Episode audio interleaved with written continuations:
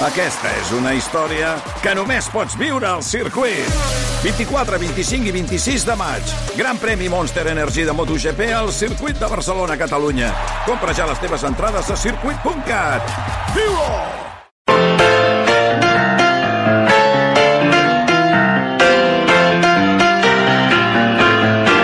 Bon dia, són les 6 i des d'ara i fins les 7. Com sempre, aquí, a la Primera Pedra, en serem molts amb moltes ganes de dir bon dia.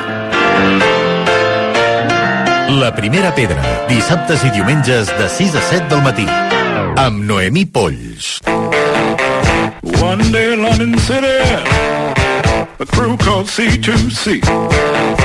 They came to rock the party. Say what? Tots sabem que un bon hàbit és també fer exercici, fer-ho bé, d'acord amb l'edat que tenim, amb el moment en el que estem. El Fito Florença, que és director tècnic de Coa Center, ens ajuda sempre. Fito, molt, molt bon dia. Molt bon dia, Noé. I ara dèiem, depenent de quina edat, també va bé un exercici o un altre. Escolta'm, parlem de l'envelliment, perquè és fonamental, cada vegada ens remarquen més, mantenir-se en forma, fer esport i, i també dependrà de si estem vivint la menopausa, que n'hem parlat moltes vegades, però se'n parla menys de la. I totes dues, tots dos moments són importants de tenir en compte. Sí, sí, i tant, i tant. Eh, els dos es duen a terme o succeeixen, poden succeir, però sobretot succeiran segur en el cas de les dones, no? entre els 45 i 50 anys, ja depèn del cas abans o una mica més tard, però sobretot eh, genèricament és així. Amb els homes també.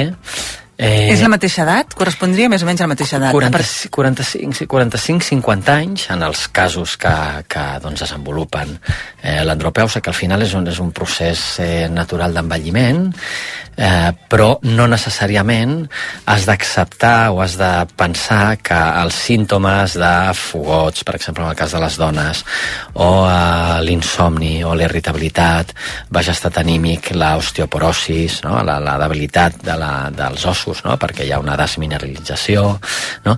I, i amb els homes també irritabilitat, eh, doncs també eh, per una caiguda et pots trencar un os doncs, molt més ràpid. Per tant, també perden calci els ossos També, dels homes. També, també, també, mm. perquè al final aquestes, eh, aquests dos termes fan referència a la baixada de dues hormones anabòliques, que són, en el cas de les dones, els estrògens i la progesterona, i en el cas dels homes, la testosterona. No? Per exemple, els homes, a partir dels 40 anys, se sap que perden genèricament un 1%, un 1% de testosterona per any. Per tant, això vol dir que quan tens, per exemple, no sé, 70 anys és un 30% menys d'aquesta hormona que diríem de la joventut, de la vida o del que vulguis. Uh -huh. Perquè aquestes hormones anabòliques, en al final és un, és un prefix en grec que significa cap a dalt, eh, significa creació, no? En canvi, l'estrès, per exemple, com l'hormona de l'estrès, el cortisol, és catabòlica, no? Destrueix. Llavors, bueno, en fi, eh, després d'aquesta... No, clar, la testosterona et, et suma, et fa pujar, però si la vas perdent, et va restant. I aquestes hormones acceleren el metabolisme, no? fa que cremis més greix en repòs, per exemple, doncs mantenen la salut òssia, no? la, la, la, la, la, la calcificació òssia, mantenen la salut del greix, no? és a dir, mantenen a ratlla el greix, el colesterol, no? de que això és molt important, també es duen a terme doncs, o passen dislipèmies, no? colesterol i trigliceridals, eh, sobretot s'accentuen en aquesta fase. És quan comencen les analítiques a fer uns balls de xifres que no ens agraden, oi? Que no acaben de sortir tan perfectes com quan érem més joves. És clar, i tot això es pot treballar amb exercicis concrets. Jo imagino que la força aquí és important, que ho has repetit sempre, però clar, la musculatura també es va perdent. Clar, clar, clar, la, la sarcopènia, que és la pèrdua de, de massa i de, de força muscular, eh, es perd i per tant el, que, el primer que hem de treballar, el que més evidència té per millorar aquests símptomes i tots el, els signes, el que és mesurable, no? doncs, no sé, la pressió arterial alta, la resistència a l'insulina, la diabetis, etc. No? Uh, es poden millorar o es poden prevenir o es poden retardar moltíssim si fas entrenament de força a nivells submàxims, no? en habilitats motrius humanes de forces d'empenya, forces de traccionar coses, ajupir-te, posar-te en peus, no? són coses que sempre durant tota la vida has de poder fer i convé treballar-les amb el treball de força. És la prioritat molt més que agafar dos pals i caminar, encara que, com sempre dic, mai anirem en contra, això és activitat física no programada, una excursió, no sé, sortir a caminar pel carrer, fes-ho, però sobretot, sobretot, entrena la força, almenys una vegada a la setmana. Ara, els ossos han d'estar sotmesos a forces de compressió. Això millora la, la, la mineralització òssia, això prevé l'osteoporosis, la millora també, no? Inclús, no tothom ho ha de fer, però inclús a vegades, ostres, eh, eh, persones que poden desenvolupar aviat eh, osteoporosis o tenen descalcificació, eh, els exercicis d'impacte, ben controlats, segons quines activitats que tenen impacte, seria correcte, perquè també ajuda aquesta calcificació. Evidentment, aquí entren altres variables i potser córrer no és el primer que has de fer i moltes persones no haurien de fer-ho, no? Però les que estan preparades també haurien de córrer. Uh -huh. Dels 50 és, anys cap a dalt. Això és molt important, eh? perquè a vegades ens pensem que caminant les 10.000 passes, que ja vam dir també, les hem desmitificar amb tu, però caminant molt ja hem fet la jornada esportiva i no. No ens hem d'oblidar de treballar aquelles parts que ens ajudaran a tenir més musculació i que de fet s'adaptaran més al que necessita el nostre cos quan ens envellim. Aquests exercicis de força. Absolutament, i sobretot el que et permetrà morir jove el més tard possible. Ah, m'encanta aquesta frase i és el que volem també aquí a la primera pedra i el que, que jo estic convençuda que no hi ha ningú que no vulgui això. Morir jove el més tard possible. La frase que el Fito ens va deixar i que aquí ens l'apoderem. Doncs moltíssimes gràcies, com sempre, Fito. Moltíssimes gràcies a vosaltres i a tu, no, especialment. La primera pedra. Oh, yeah.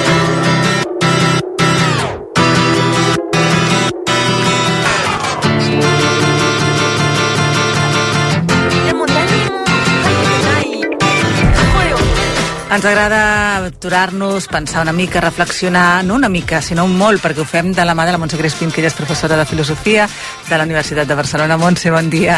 Bon dia, Noemi. I parlem avui de la Nancy Fraser sobre la justícia. Sobre la justícia, sí. Eh, Nancy Fraser, una, una autora molt, molt activa d'Estats Units, i en particular, no? avui jo crec que era interessant eh, parlar d'un text molt breu, però que dona per, per pensar moltíssim no? sobre la justícia de l'any 2012. I és interessant interessant perquè ella eh, parteix no, d'explicar-nos les diferents concepcions de la justícia embastades amb la novel·la de Kazuo Ishiguro No em deixis mai, que de fet van fer una pel·lícula eh, també sobre, sobre, aquesta, sobre aquesta novel·la d'Ishiguro. I és interessantíssim perquè eh, el que fa Fraser doncs, és fer tota una sèrie d'interrogacions al voltant de la justícia i com no, aquesta virtut a ser justos, s'esclareix també no, quan percebem la seva contrària, les injustícies. Mm? És una estratègia ben interessant la que empra no, aquí eh, Fraser. Mm -hmm. De Fraser, a més a més, i això no, lliga no, amb aquesta idea de eh, percebre no, la justícia a través no, de les injustícies o fent la lectura de les injustícies, és interessant perquè relliga, no, com dèiem, el sistema neoliberal, perquè aquest no, representa eh, d'alguna manera no, com es plantegen certes panacees individualistes, no? de les quals jo crec no mica hem de desconfiar. Eh? Sobretot en el nostre moment actual, ens diu Fraser, no? amb societats que fatititzen l'amor, la introspecció, la vida privada i neguen, ens diu Fraser, sistemàticament a la gran majoria les condicions materials per la seva realització. Per tant, la, la justícia i la pregunta té molt de sentit en el que ella també no, denomina que és el nostre context actual, que és el del neoliberalisme progressista, que representa la trampa que s'oculta, però que també és visible no? quan la mirem eh, una miqueta de prop a les aliances de les corrents amb els moviments eh, corrents liberals, perdó, amb els moviments socials, no? tipus el feminisme, antiracisme, multiculturalisme, etc. Uh -huh. Al final, aquesta aliança interessada no? de ser liberalisme amb aquests moviments socials acaben amb la virtut mateixa de la justícia, perquè al final només es centren en què? No? En el reconeixement identitari i deixen un, no, amb un costat el que seria doncs, mirar no? com podem redistribuir, per exemple, no? el, el que són eh, els béns eh, materials, no? perquè tothom tingui el, el mínim per, eh, per viure. Mm? Per això ens diu Fraser no? que aquest bloc neoliberal progressista combina molt bé un programa econòmic expropiatori i plutocràtic amb una política de reconeixement liberal i meritocràtica. Per tant, suposo que el fet de la búsqueda d'aquest reconeixement identitari tan concret fa que es perdi de vista moltes vegades el bé comú. Una mica. És, eh, és això. I més que el bé comú, és... Eh, efectivament, no? el, que, el, que, el que fa és que eh, al final assumim no? que només el que és més important doncs això és la nostra identitat sigui doncs, eh, una identitat cultural o sigui una identitat de tipus sexual o, o sexo genèric clar, eh, només centrant-nos en nosaltres mateixos en aquest clar individualisme li donem la raó no? aquest sistema neoliberal hm? ja sabem que després sempre trobarà una manera de donar-nos una mercaderia per satisfer no? Aquesta- aquesta necessitat identitària, no? Segur, segur, segur. Eh, I clar, no? Eh, eh, certament, tu, tu deies, no? Deixem d'una banda no? aquest bé comú i també no? de preocupar-nos d'aquest altre sentit de la justícia, però en un sentit de justícia, de justícia social. Mhm. Curiosament, tu també parles de que aquest patró eh, no és nou. No, no, clar que no. Aquest, aquest patró, eh, diguem que és ja part, no?, o, o, o part de l'evolució no? eh, d'aquest interès en eh, accentuar no? aquesta autorealització personal. Jo crec que, precisament, no?, el neoliberalisme ha fet una lectura molt i molt precisa de eh, convèncer del fet de que el progrés no, del jo, del nostre jo privatiu, es mostra en quins desitjos perseguim i triem. I, per tant, sempre que hi ha un desig, ens posaran algun, no? deia abans, un producte, una mercaderia que el satisfagui. Però tot això ja ve no? D'abans, no? ve de la modernitat, no? amb la centralitat en el subjecte, en la centralitat en el jo. Mhm. I el neoli- neoliberalisme, Mhm. tu dius que també ha, lleg ha llegit a la perfecció la idea de que el bé de la persona consisteix en satisfer els seus desitjos personals. És una mica Sí. un adonisme, no? El És que això, diríem, no? és això. Sí, sí, sí. Mirar-se has- un mateix i, escolta'm, Ho has dit molt bé, ho has dit molt bé. És, és justament un adonisme, no? I, i de fet, doncs, és, és tot aquest sistema, no?, pel, pel qual funcionen amb aquest adonisme, però que sense tu, sense que tu te n'adonis directament, no?, perquè tu estàs reforçant justament la teva identitat, el teu jo, els teus desitjos, al final el que tu estàs eh, sent és eh, esclau, no?, o, o servil, no?, amb uns desitjos que no són precisament els teus, són heterònoms, no?, i pertanyen, doncs això, no?, al sistema en el qual estem. Podem parlar d'aquest neoliberalisme progressista, com fa la Fraser, o podem parlar, no?, eh, i fa uns dies tu i jo hi parlàvem, no?, del, això, el capitalisme de la, de la seducció, també, no? I tant, i tant. I segur que això ja ha despertat alguna curiositat. Uh, si algú vol aprofundir en aquest tema, tu recomanes, sí, en jo aquest recomano, cas també lectura, eh? Sí, sí, sí, recomano el text de Fraser, no? amb el qual començàvem sobre la justícia, perquè està, eh, està en línia, i el va publicar la eh, revista New Left Review en espanyol, eh, que es fan traduccions dels textos que originalment eh, es publiquen en eh, anglès, i, i res, i simplement també no, passarem l'enllaç perquè els eh, oients puguin, puguin apropar-se doncs, a aquesta lectura. Efectivament, doncs com sempre, un plaer. Moltíssimes gràcies, Montse. Igual, Noemí.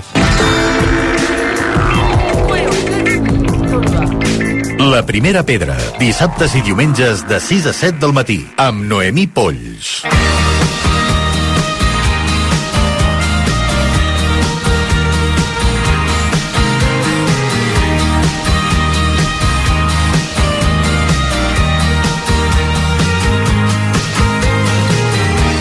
Volem anar a veure ja coses de Nadal, mercats de Nadal, ho volem fer aprofitant, per exemple, per què no, aquest pont, i per tant volem parlar amb en Josep Ferrer. Josep, molt bon dia. Hola, molt bon dia. Que tenim ganes de que ens recomanis a veure, tenint un pont llarg com aquest que ve ara, on te podríem anar? Mira, si et sembla, us faré una proposta curteta, de fer en un dia o dos, mm -hmm. cap de setmana, i una altra una mica més llargueta, doncs que sí que necessitaríem potser 5 o 6 dies. Doncs vinga, per on comencem? Mira, farem la curteta i ara s'ha posat de, de moda, no sé si n'has sentit a parlar, Noé, de Barcarès. Et sona? Sí, i Barcarès, i tant. Mm -hmm, aquí a França, no? Sí, a Perpinyà, al costat de, de Perpinyà, doncs s'ha posat molt de moda, està sortint molt i s'està fent molta propaganda. No és ben bé això un mercat de Nadal, sinó que seria un parc de Nadal. Seria com un, un poblat on eh, doncs, trobarem tot tipus de, de lluminària, d'objectes de Nadal, pista per poder fer patinatge, etc. Això està relativament a prop de, de Barcelona i per tant, eh, bueno, jo penso que es pot fer una sortida d'un dia, eh, perquè el maco eh, d'aquest parc de Nadal és eh, veure'l de nit, per tant arribar-hi cap allà a les 5 de la tarda, 3-4 horetes, i tornar, o si voleu doncs, aprofitar un cap de setmana, dos, tres dies, doncs fent nit, per exemple, a Perpinyà o tota la zona de la costa, doncs també tenim el mercat de Perpinyà, ens podem apropar fins a Colliure, si voleu doncs, eh, fer alguna coseta més d'història, doncs podem anar fins a la maternitat d'Elna, que tot i que està tancat l'edifici, hi ha una exposició a l'exterior que es pot que es pot veure, Argelès, eh, Surmer també és bonic, per tant podem fer mercats de Nadal amb una miqueta d'història. Això seria una proposta, Noé, d'un, dos estirar tres dies. Fantàstic, doncs ja tenim aquesta proposta més propera. Eh, ens anem una miqueta més lluny i tu proposaves Alsàcia. Sí, l'Alsàcia és bonica, eh, com diríem, de dia i de nit, i jo diria l'estiu, primavera, tardor i hivern. Eh, si vas a l'estiu, primavera, doncs, eh, com no, l'Alsàcia és bonica pels temes dels vins, les seves cases de coloraines, però si anem a l'hivern, si anem a aquesta època, els mercats del Nadal són una autèntica delícia per petits i grans, Noé. Uh -huh. Doncs a veure, quin recorregut faríem per l'Alsàcia? Mira, doncs eh, per arribar-hi hem d'anar amb avió, perquè si no sí que perdem molt de temps, i aquí tenim diversos aeroports, diverses opcions, Stuttgart a Alemanya, eh, Basilea a Suïssa, Zúrich també a Suïssa, i a partir d'aquí m'aprovaria fins a, fins a l'Alsàcia. Podem fer la típica ruta dels vins, però evidentment de mercats. I aquí la ruta dels vins inclouríem pobles com Riquevit, Ribeauvillé i, com no, Colmar, que seria la joia de la corona. Eh? Colmar, que és la Suïssa, perdó, la Venècia francesa, que en banda de poder recórrer al seu centre històric, doncs també podrem trobar diferents mercats. I ja pots imaginar que aquests mercats del centre Europa, doncs una de les coses que hem de provar és el seu famós vi calent, que suposo que has provat alguna vegada, no? Exacte, té aquest gust una mica també a vegades a canyella, o no sé, hi posen coses que són una mica diferents al nostre paladar, oi? Sí, i quan fa fred, calentó passa molt bé, acompanyat d'alguna pasta típica, algun Frankfurt, que també també mengen per allà, ja saps que és un lloc de trobada més cap, a, cap al vespre. És un lloc on la gent es reuneix, sopa, a banda de que podem doncs, també eh, comprar tota mena de productes relacionats del Nadal. Però saps quin és per mi el millor mercat d'aquesta zona? Ni idea, digue'm. Mira, a mi m'encanta Estrasburg, eh? perquè Estrasburg ja de per si és bonic, aquí podem fer turisme amb tot el barri europeu, amb les institucions europees, o tot el centre històric d'Estrasburg amb la seva preciosa i magnífica catedral, però val a dir que tot el centre històric trobarem diferents mercats on s'hi podem passar hores i hores mirant, remenant, mirant llums... Eh, vaja, jo crec que és una bona opció per fer aquests dies. Doncs em sembla fantàstic, un bon recorregut, proposta versió curta, que seria aquí a França, al sud de França, a Barcarès o a Perpinyà, tota aquesta zona, i després ens n'aniríem cap a l'Alsàcia, però això sí, ja serien 3-4 dies, eh?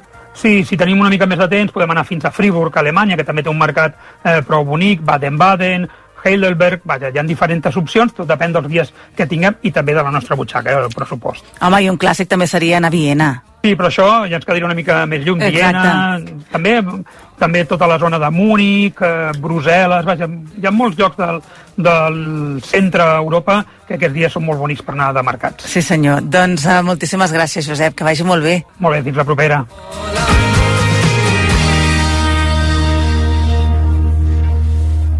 La primera pedra. I mentre preparem viatges pels dies de vacances que han de venir, volem gaudir del camí i en Jordi Margarit ens fa una proposta per fer una sortida a casa nostra. Bon dia, Jordi. Bon dia, Noé. Segur que heu estat a molts pobles d'aquests anomenats de pessebre, amb les cases fetes en pedra seca. Avui us convido a gaudir-ne d'un que si el mireu en conjunt Bon dia, Noé. Segur que heu estat a molts pobles d'aquests anomenats de pessebre, amb les cases fetes en pedra seca.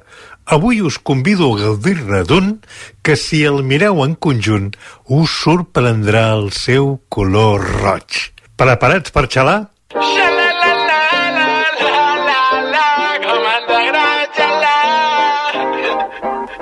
parlo de Prades, al Baix Camp. La primera vegada que hi vaig anar em va cridar l'atenció aquest to vermellós. No sóc l'únic. La majoria de visitants s'hi apropen a descobrir la singularitat. Ens expliquen que aquesta coloraina li ve de la pedra sorrenca que es troba precisament al seu entorn muntanyós. L'anomenen saldó o sauló. És un tipus de pedra modelable, però a la vegada fràgil. Així doncs, les cases, murs o columnes treballades a partir d'aquesta varietat precisen manteniment constant. Però el lloc concret on us convido és a la plaça Major de Prades.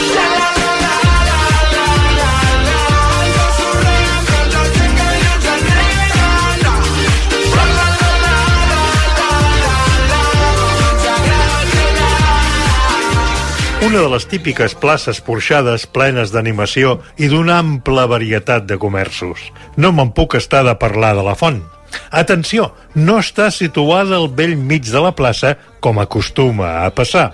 És a prop d'un dels angles del lloc. D'estil renaixentista, eh, direu que aquesta font no és res de l'altre món.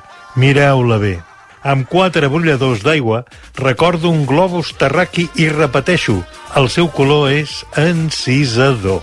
Per cert, jo no ho he vist, però em diuen que un dia a l'any les aixetes de la font en surt vi o cava. I això sí que és per xalar. La primera pedra, dissabtes i diumenges de 6 a 7 del matí.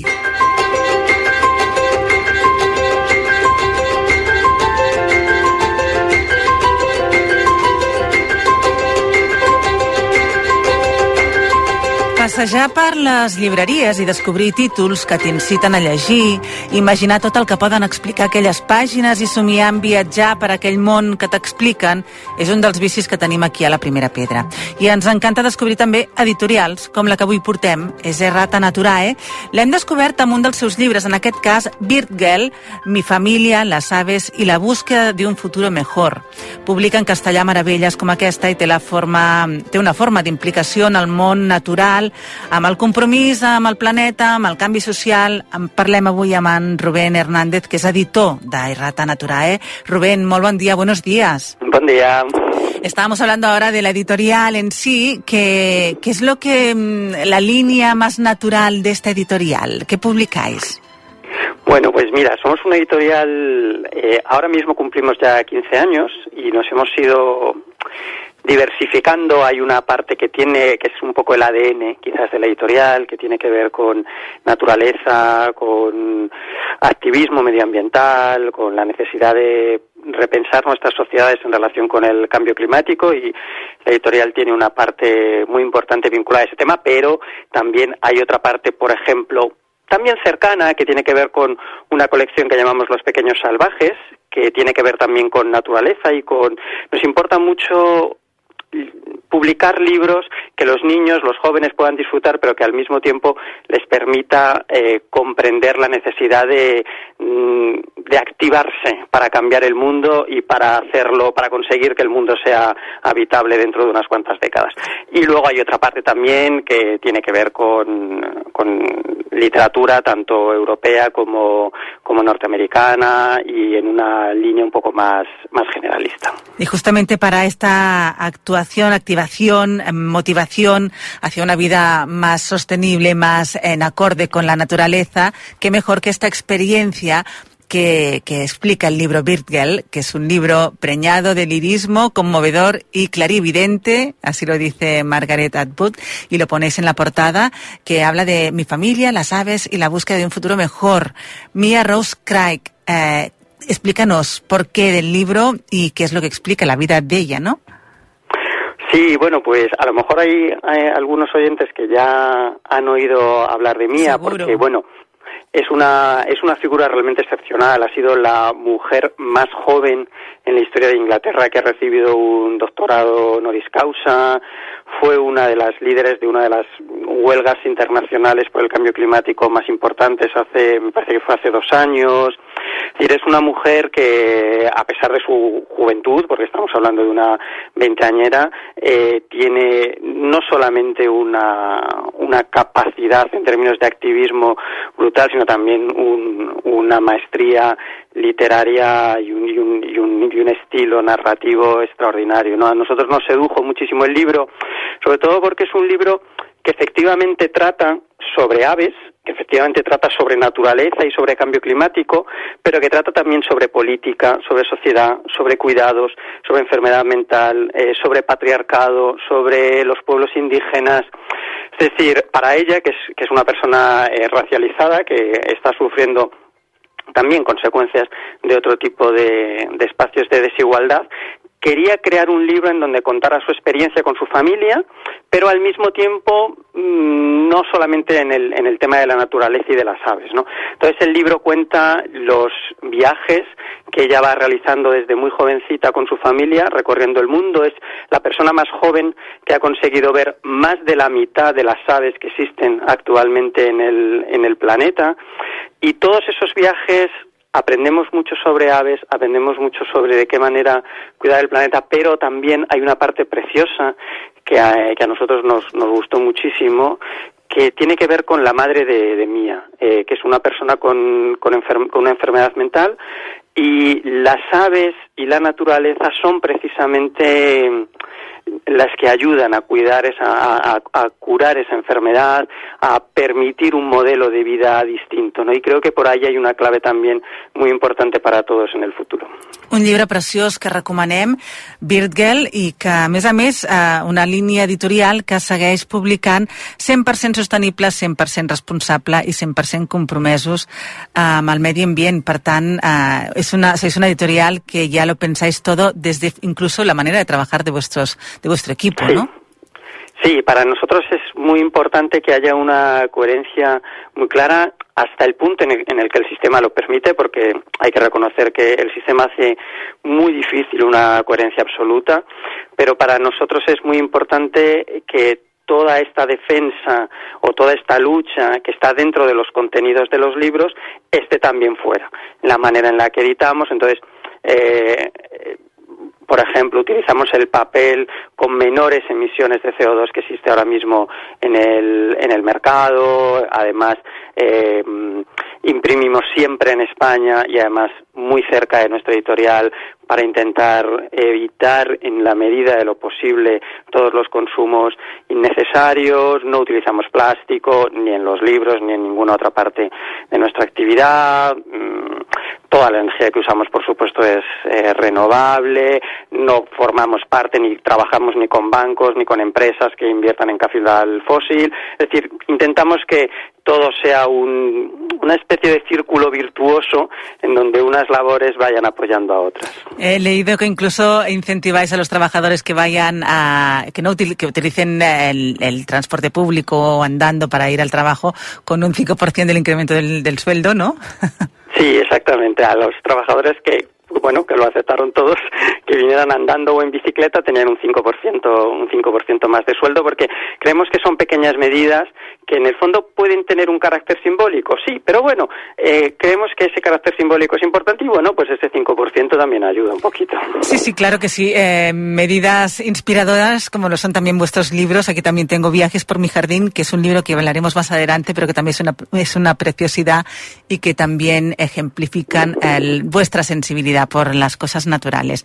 Así que un placer, Rubén Hernández, que és editor de Rata Natural i que avui hem, hem volgut parlar d'aquesta editorial que nosaltres hem descobert fa poc però que porten ja 15 anys treballant. Como decía, muchísimas gracias, Rubén. Gracias a vosotras, muchísimas gracias, un placer.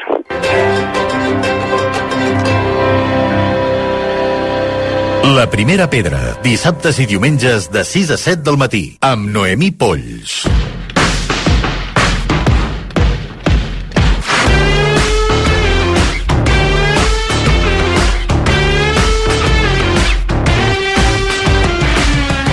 Catalunya es calcula que hi ha més de 2 milions de persones sense parella, solteres o separades. És una xifra que ha anat augmentant al llarg dels anys i per això podem dir que es tracta d'una tendència. Cada cop hi haurà més singles a la nostra societat. Avui en parlem mm, d'aquest tema concretament relacionat amb l'economia amb l'Edu Conti. Edu, molt bon dia. Molt bon dia, Noé, què tal? Ah, doncs que mira, eh, podem parlar d'una economia concreta que sigui les finances personals per singles, no? Sí, sí, totalment. Són, són unes finances que són complicades mm -hmm. i, que, i això ho podem veure des de diversos punts de vista. Jo, jo em centraré de moment amb els ingressos i les despeses. O sigui, si mirem els ingressos, eh, una característica, la principal característica de les persones solteres o singles és que només hi ha una font d'ingressos, una persona que, que, que ingressa diners. Llavors, què passa? En aquests casos, quan es perd la feina o cauen aquests ingressos, no hi ha una parella que pugui ajudar a sostenir l'economia familiar. D'alguna forma es podríem dir que estan sols davant del perill, no? com la pel·lícula del Gary Cooper i la Grace Kelly.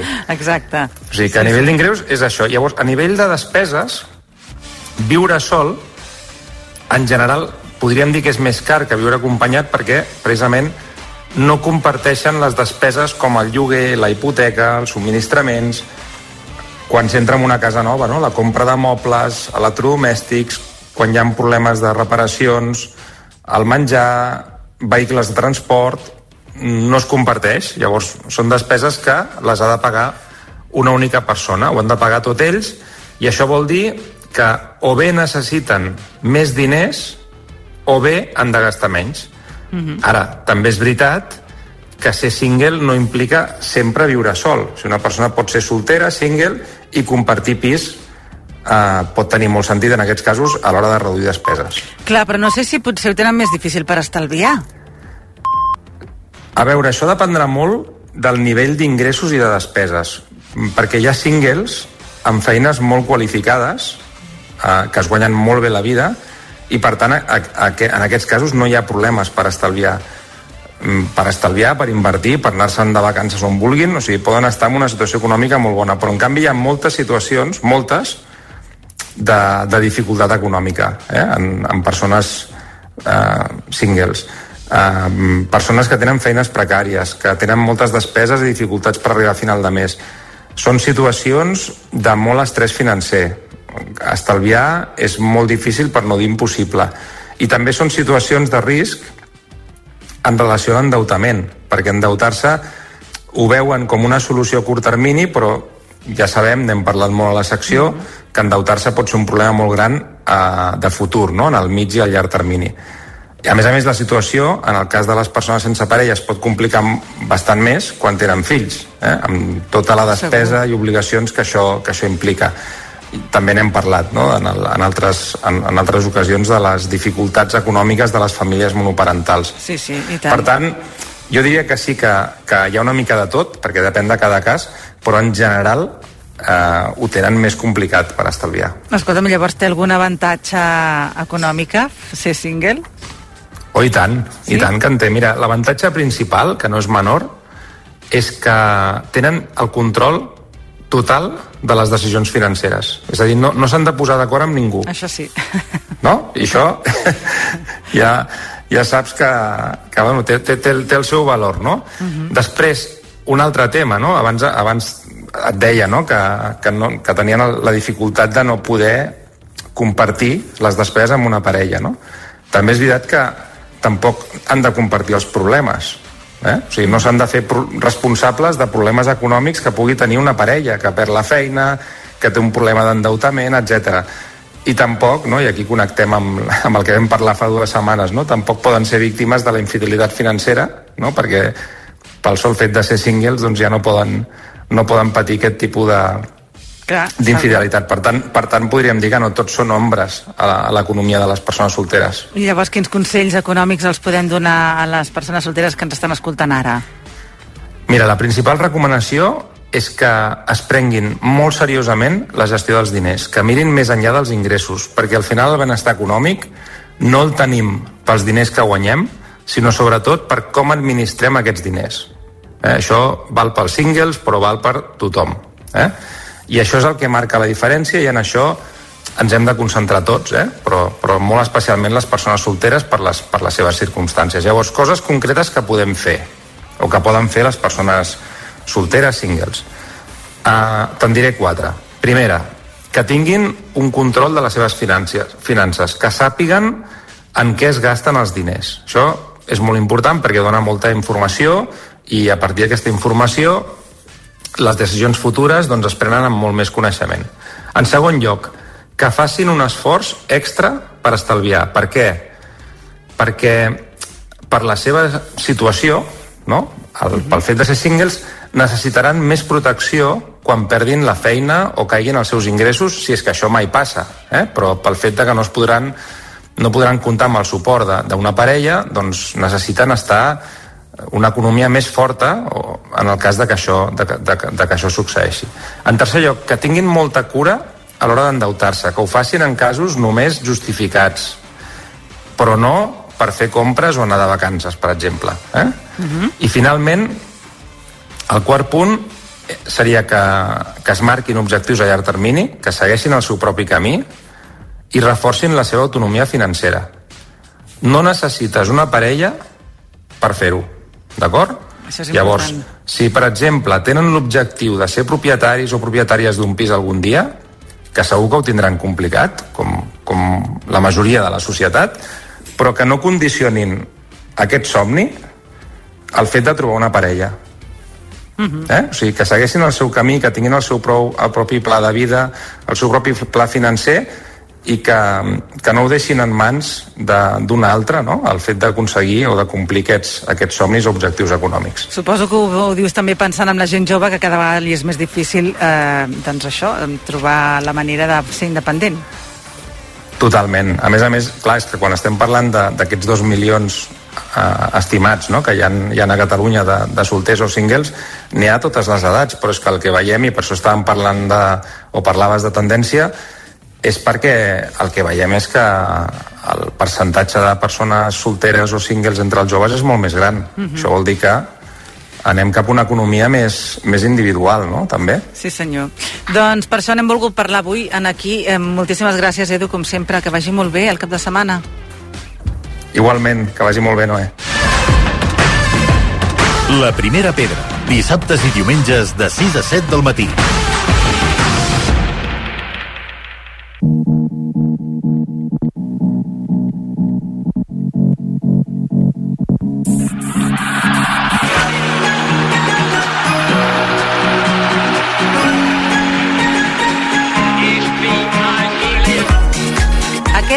Dies 16 i 17 de desembre es celebra el Festivalet a la Fabra i Coats, que és un festival, eh, de fet és una fira, eh, que hi ha una reunió d'artesans i dissenyadors fantàstica.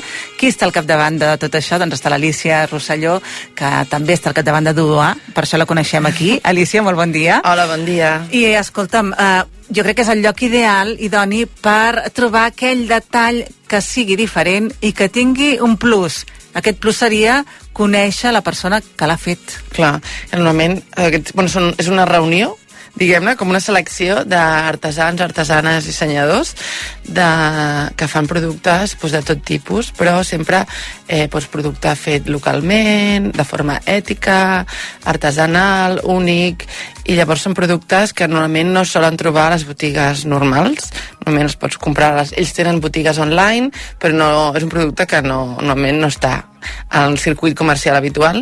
I a més a més aquest el que dius tu, no? el plus aquest que tu li pots comprar directament el producte a la persona que l'ha fet, li pots preguntar el que vulguis, et pot explicar les històries, les inspiracions i, i pots toquetejar totes les coses, perquè clar, per exemple provar-te unes arracades online o comprar-te-les en persona. Home, no, no té res a veure. Exacte. No té res a veure.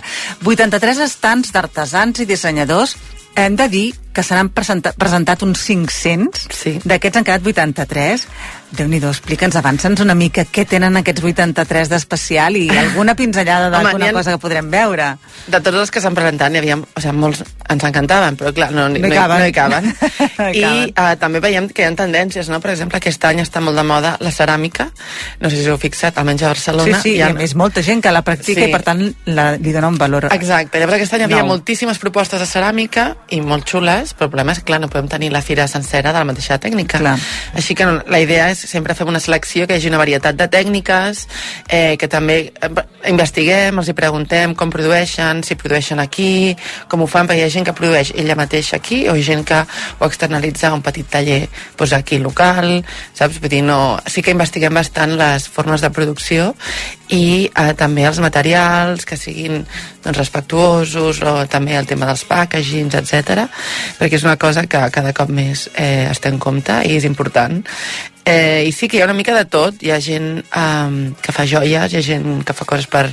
fa joguines amb fusta, hi ha petites editorials independents de còmic, editorials infantils, tèxtil, una cistellera de Vímet, eh, hi ha una mica de tot. Em parlaves d'un artesà, per exemple, que Sí. fa perfums eh, de, de l'Empordà. El Brava Nariz, que és una marca, eh, l'única fira que participa aquí és, a, és al Festivalet. Eh, és una marca de perfums de l'Empordà eh, i es dediquen a fer, bueno, fan, passegen i recullen les herbes a l'Empordà, que per cert fa una cosa molt xula, que també pots anar amb ells d'excursió a l'Empordà i fas el teu perfum. Ah, caram, que fantàstic. Eh, I llavors, bàsicament, eh, fa uns perfums, doncs, un es diu Cala, que fa olor a Cala, de l'Empordà, o a Bosc, o a Molsa, a, a veure, no és que te'l posis i fas olor a, A follet, però és un perfum, una colònia també, i és un projecte molt xulo que també és aquest pues, si tu vols, te'l pots comprar a la seva botiga online, però hi ha molt poques botigues on ho puguis trobar aquí, llavors també és, a més, una, vull dir, a mi m'agrada cotillejar, no?, qui hi ha darrere el producte, I com ho han tant. fet, ho expliquen tot, o sigui, és un, un valor afegit. I si volen fer un tastet, si entren a la pàgina web del Festivalet, trobaran allà tota la gent que hi anirà, no? Allà hi ha fotos de tots els participants, amb link a cadascun de les seves webs i Instagrams. O sigui que si algú ja es vol anar preparant la llista de Reis o del Santa Claus, el, tió, el que vulgui... Amic invisible, el els que amics sigui. invisibles... Aquí tindrà totes les idees possibles, hagudes i per ja pot, haver. Sí, perquè la idea...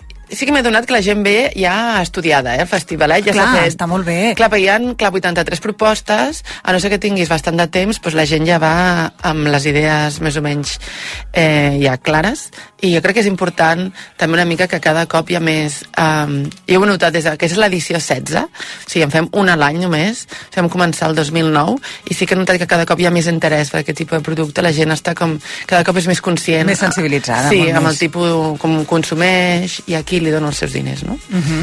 Em sembla molt, molt bona idea remenar, mirar i a més a més, escolta'm, i pots passar el dia perquè pots menjar. També pots menjar... I no qualsevol cosa. No, aquest any és una cosa molt... No s'havia passat, eh, que a mi vindrà el Jordi Bordes, que és un, el Premi de Pastisseria, vindrà el John Cake, que és un molt famós pels seus pastissos de formatge, mm. eh, i eh, bueno, tothom parla dels pastissos de John Cake i jo me'ls haig de menjar ja, perquè és que és una cosa que la gent hi ha cues, eh? Doncs mira, el 16 i, I, 17. I tenim el premi també del millor gelat, gelat, això com es diu? La millor gel- gelat de, del país, uh Mhm. -huh. eh, que es diu Sant Croi, i també estarà, que és el primer cop. O sigui, s'han posat tots d'acord i, bueno, he de venir amb gana, perquè és que... Sí, sí. Jo crec que això jo ho porto sempre ben preparat. Sí, sí, a més a més, que, per exemple, el Jordi Bordes, que és Premi Pastisseria increïble, fa uns panetones que és per plorar Mm. i uns torrons increïbles, sí que ja tens el Nadal més o menys solucionat. Ai, que bo. Uh, cal que la gent compri entrada, s'ha de fer algun tràmit abans o es pot Ah, improvisar no, bastant? es compra allà directament, són 3 euritos, els menors de 12 entren gratis i encara no, no es compra antici- anticipat ni res, es compra allà Mhm. directament i així, a l'antigua usanza. Molt bé, així m'agrada. Horari? L'horari és de 10 del matí a 8 de la nit, el dissabte i diumenge. Uh -huh, que són el 16 i 17 de desembre, com dèiem. Exacte. La cita a Fabra i Puig i que és el Festivalet. Escolta'm, que ja porten 16 edicions, per tant... Sí. Eh, I que la gent vingui a visitar Sant Andreu, Exacte. que fa molts anys... Escolta'm, tots anem al Rovell de l'Ou de Tots Barcelona. anem al doncs, no? centre, doncs s'ha d'anar a visitar els barris. Doncs des d'aquí reivindiquem també Sant Andreu. Alicia, com sempre, un plaer. Gràcies.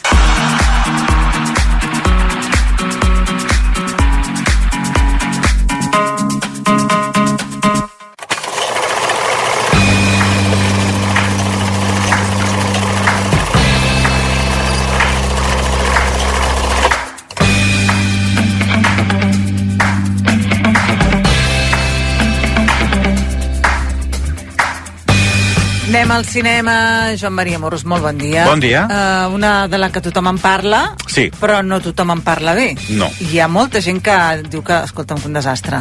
Sí, um, I i aquí també n'hem parlat, n'hem Sí. parlat, a, n'hem parlat al món, n'hem parlat també al Via Lliure la setmana passada i la versió fins i tot va fer una secció dilluns per explicar algunes de les uh, qüestions d'aquesta d'aquesta pel·lícula que um, fins i tot, sorprenentment, després de les crítiques que eren tan dolentes, es va situar com la més vista eh, el cap de setmana passat a la cartellera.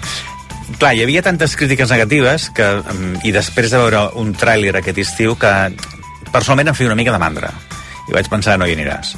Però, clar, tenint en compte tots aquests requisits, al final vaig pensar, doncs, eh, sí que hauràs d'anar com a mínim per veure, per veure què és el que és.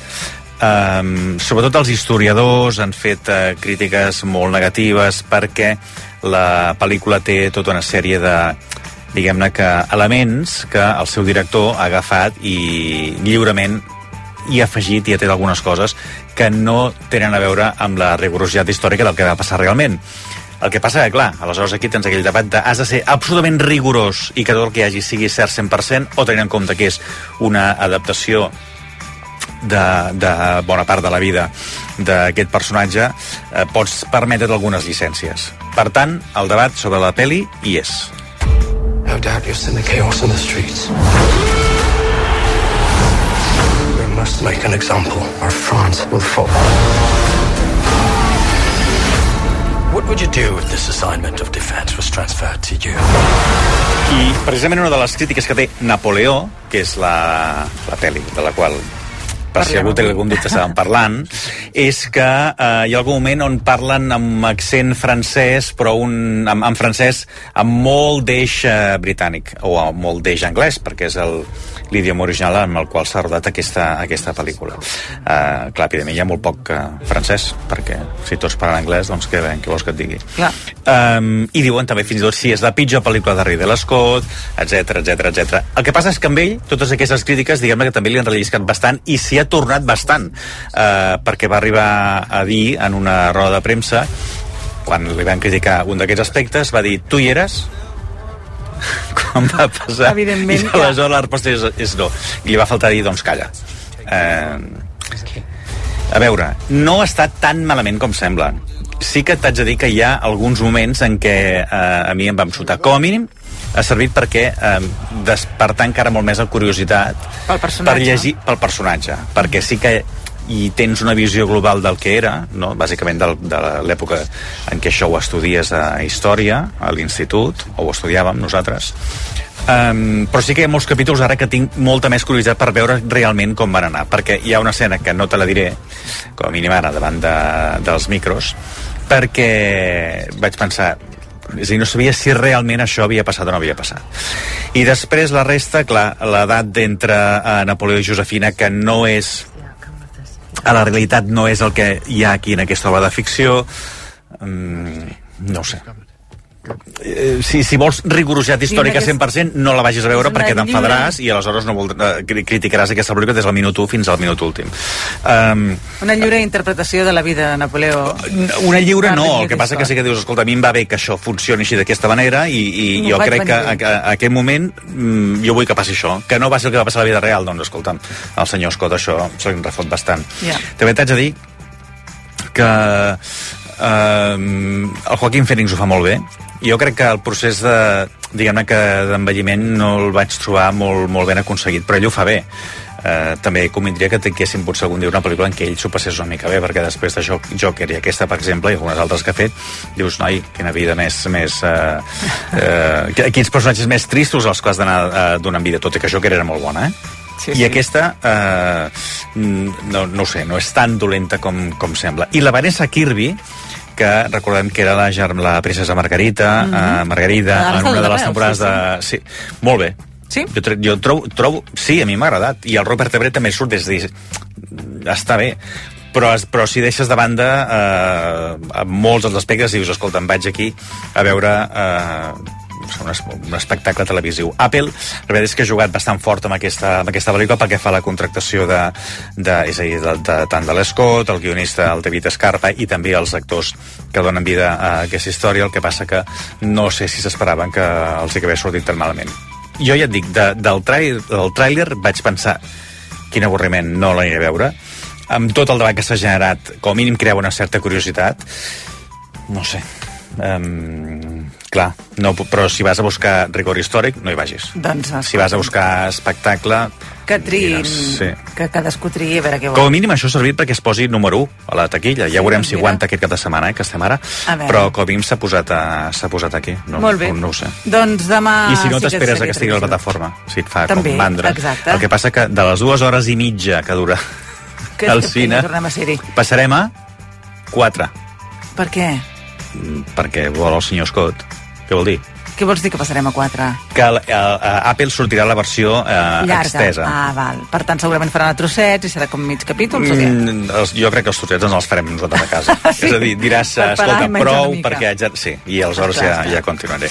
Uh, res, Napoleón, mira, i anem-hi i parlem, Que no? cadascú decideixi. Doncs sí, Sí. senyor, demà sèrie televisiva, com Sí. dèiem, eh, i què tal? Uh, a mi m'ha agradat. Sí? És una d'aquelles que si vas eh, bussejant per una plataforma que es diu Movistar, te, la trobes i ara que ja s'ha acabat tota la, tota la primera temporada, doncs uh, crec que és el moment de, de parlar-ne. Perfecte. Uh, vindrem... Aquí, déu nhi de la violència que hi ha a Napoleó, que que no t'agrada. Per tant, t'aviso. I aviso als, als oients que no els agradi. Hi ha bastanta sang i bastant fetge. I la de demà també. Doncs escolta'm, a veure, demà en parlem. Sí. Que vagi molt bé. Adéu.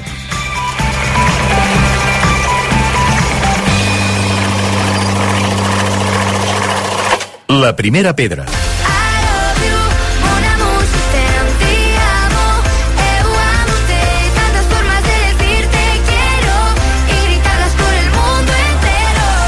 Ai, ja ens la sabem aquesta, eh? Bon dia. Bon dia, Jordi Ramos. Sí, sí, sí, és que, ostres, cada cop que la sento no puc evitar cantar-la i una bona estona, eh? Sí, sí, sí, Queda t'agrada, t'agrada. gravada i jo crec que la seguirem sentint a l'Spotify una temporadeta, eh? Sí, sí, sí. Sí, sí, sí. Que escolta, que va quedar segona. Bueno, això te'l va dir? No ens has explicat res, de res, de res. No, home, perquè això va ser diumenge passat eh, i, ostres, uns nervis. uns nervis perquè eh, va rebre la màxima puntuació de quatre països um, i anava allò frec a frec i al final, quan, saps allò que primer hi ha el vot de tots els jurats i Sí. després hi ha el vot del públic? Doncs quan acaba el vot dels jurats queda segona i a mesura que li van donant, quan només faltava que donessin el punt, els punts de, la, de les dues que estaven a dalt, doncs Sandra Valero va quedar primera. I llavors era allò que només faltava que donessin els punts a un país i veure si, Ai, ai, ai, ai, ai, si quedava o no, i no. Però realment, ostres, el resultat és, és digne. Clar que sí. L'altre país, el gran guanyador, va ser França.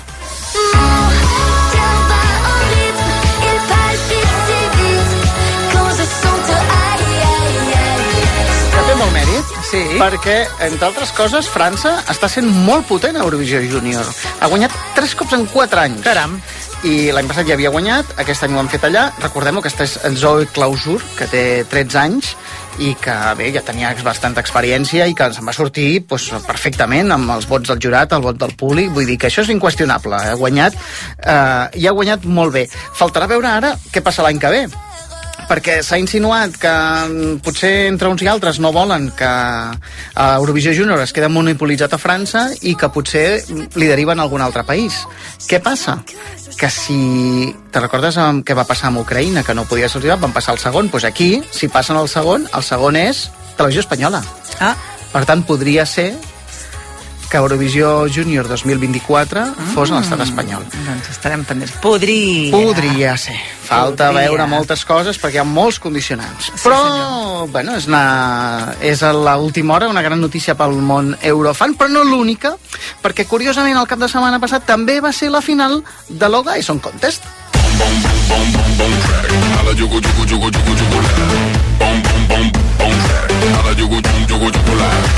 Si te'n recordes, però és aquesta eh, mena de concurs virtual que munten eh, les associacions de fans d'Eurovisió i en què, en, ara que l'estem sentint, doncs Andorra havia presentat Triquell amb jugular. Sí, sí, és que és molt bona aquesta cançó, t'he de dir, m'encanta a mi. És molt bona i ha quedat molt bé. Sí? Sí, no ha guanyat, però ha quedat cinquena. Home, està molt bé. Que és molt fort perquè pensa que hi havia 31 participants i el nivell... Mira, perquè vegis el nivell, va guanyar Regne Unit, que mira qui presentava.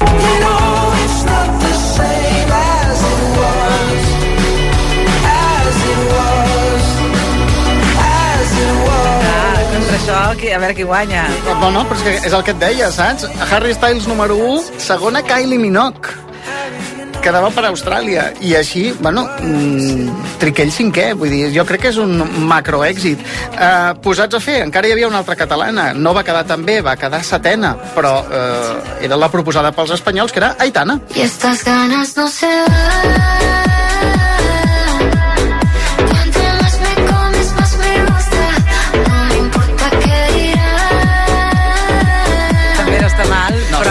Setè de 31 però- està molt bé, sí, però sí, un triquell però- però cinquè, que, home, en català... A més, és que és molt bona aquella cançó. Molt bé, molt, bé, molt, bé. I un greu que no pugui anar al Benidorm Fest, sí. eh, no sabem què ha passat, però, però potser, potser hagués fet mal, eh? Jo crec que sí, mira què et dic. Sí, no sé. Bueno, en qualsevol cas, ja ho veus, més eh, activitats dels fans, perquè és que en el fons són molt actius els eurofans, saps? Sí, sí, Ara, sí, precisament, sí. a més, s'han obert les votacions per l'ES 250, que no sé si te'n recordes, que és aquella enquesta eh, que es fa entre tots els eurofans del món per triar les millors cançons de la història del festival.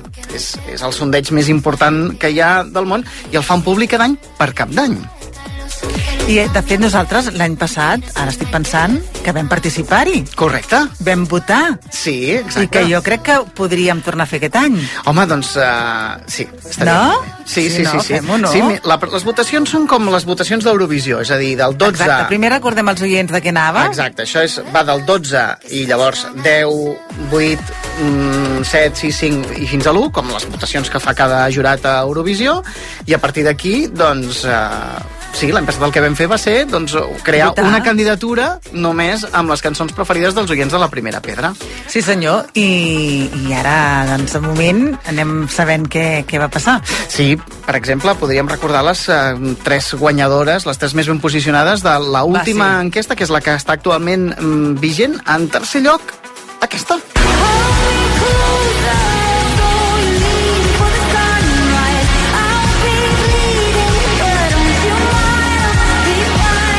Cornelia Jacobs, Hold Me Closer, Ai, que Suècia agrada 2022. I escolta, que és molt fort el que et diré ara, Què, Noemí, què, què, què, què? perquè la podràs veure en directe. Quan? Aquí, a Barcelona? Ve a la Barcelona Eurovision Party, ja l'han confirmat. Ara mateix és el que- cap de cartell, i espera't, perquè encara no han dit més noms, eh, pràcticament. Barcelona. Eurovision Party. Aquesta no ens la perdrem, no, Jordi? Per favor. Aquest any és el primer cap de setmana d'abril. Home, ja ho I, senyalem, ho I allà aquí. mateix que estarem. Però bé, Carnelia Jacobs, com et deia, tercera a l'enquesta, segona, un clàssic.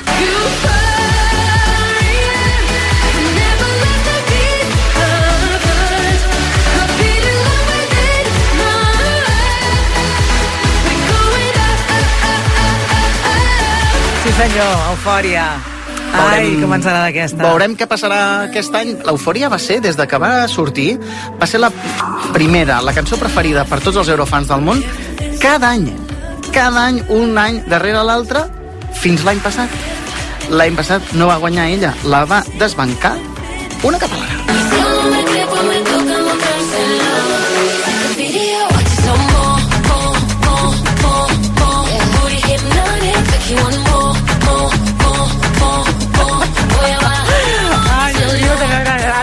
Jordi Ramos donant tot, eh? Bé, no puc evitar. Ah, no, és que tu he sentit Chanel i, i et, te vuelves loco. I que no? diu ella. Sí, clar, clar, sí. clar, això dona marxa. Això dona molta vida. marxa. Sí, sí, sí. bueno, sí, veurem sí, si sí. repeteix, veurem si repeteix Va, perquè s'han d'actualitzar cançons i no oblidem que aquí es vota la cançó preferida de tota la història, no cal que sigui Exacte. guanyadora, no cal que sigui l'espanyola, no cal Com que si sigui res, el que tu vulguis. Doncs escolta'm, aquí convidem els nostres oients que votin també. Entre totes les que ens enviïn decidirem la major, la, la major part de votacions cap on va i podeu fer-ho a través de l'Insta arroba la primera pedra, per Twitter, primera pedra, o per correu electrònic arroba radiocat.net. O sigui que ja ho sabeu. Sí, sí, sí. Envieu-nos les vostres propostes. A veure què surt. I ara per tancar què? què? Doncs mira, mm, ja que estem amb Chanel, eh, deixa'm que acabem pensant en demà i escolta això. Com vol ser la meva amiga eh, Si per tu jo em perdria És la versió que ha fet Chanel pel disc de la Marató, que demà tindreu a tots els diaris, i que en aquest cas és uh, Aigua, la cançó de Jarabe de Palo, que, que ha versionat al català i que jo crec que ha sonat superbé. Ai, sí, doncs m'agrada molt acabar amb aquest tema. Jordi Ramos, escolta'm, a fallar-ho tot i a seguir amb Eurovisió i a votar tothom perquè tenim ganes de decidir quina és per nosaltres la millor de totes. Sí, pot ser molt xulo. Ah, que vagi molt bé. Bon dia! Aigua i cel